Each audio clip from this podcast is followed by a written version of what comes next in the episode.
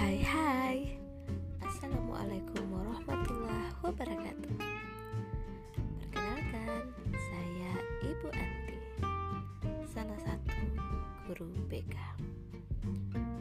Kenapa saya tertarik membuat podcast? Karena saya ingin memperkenalkan tugas dan fungsi guru bimbingan dan konseling di sekolah.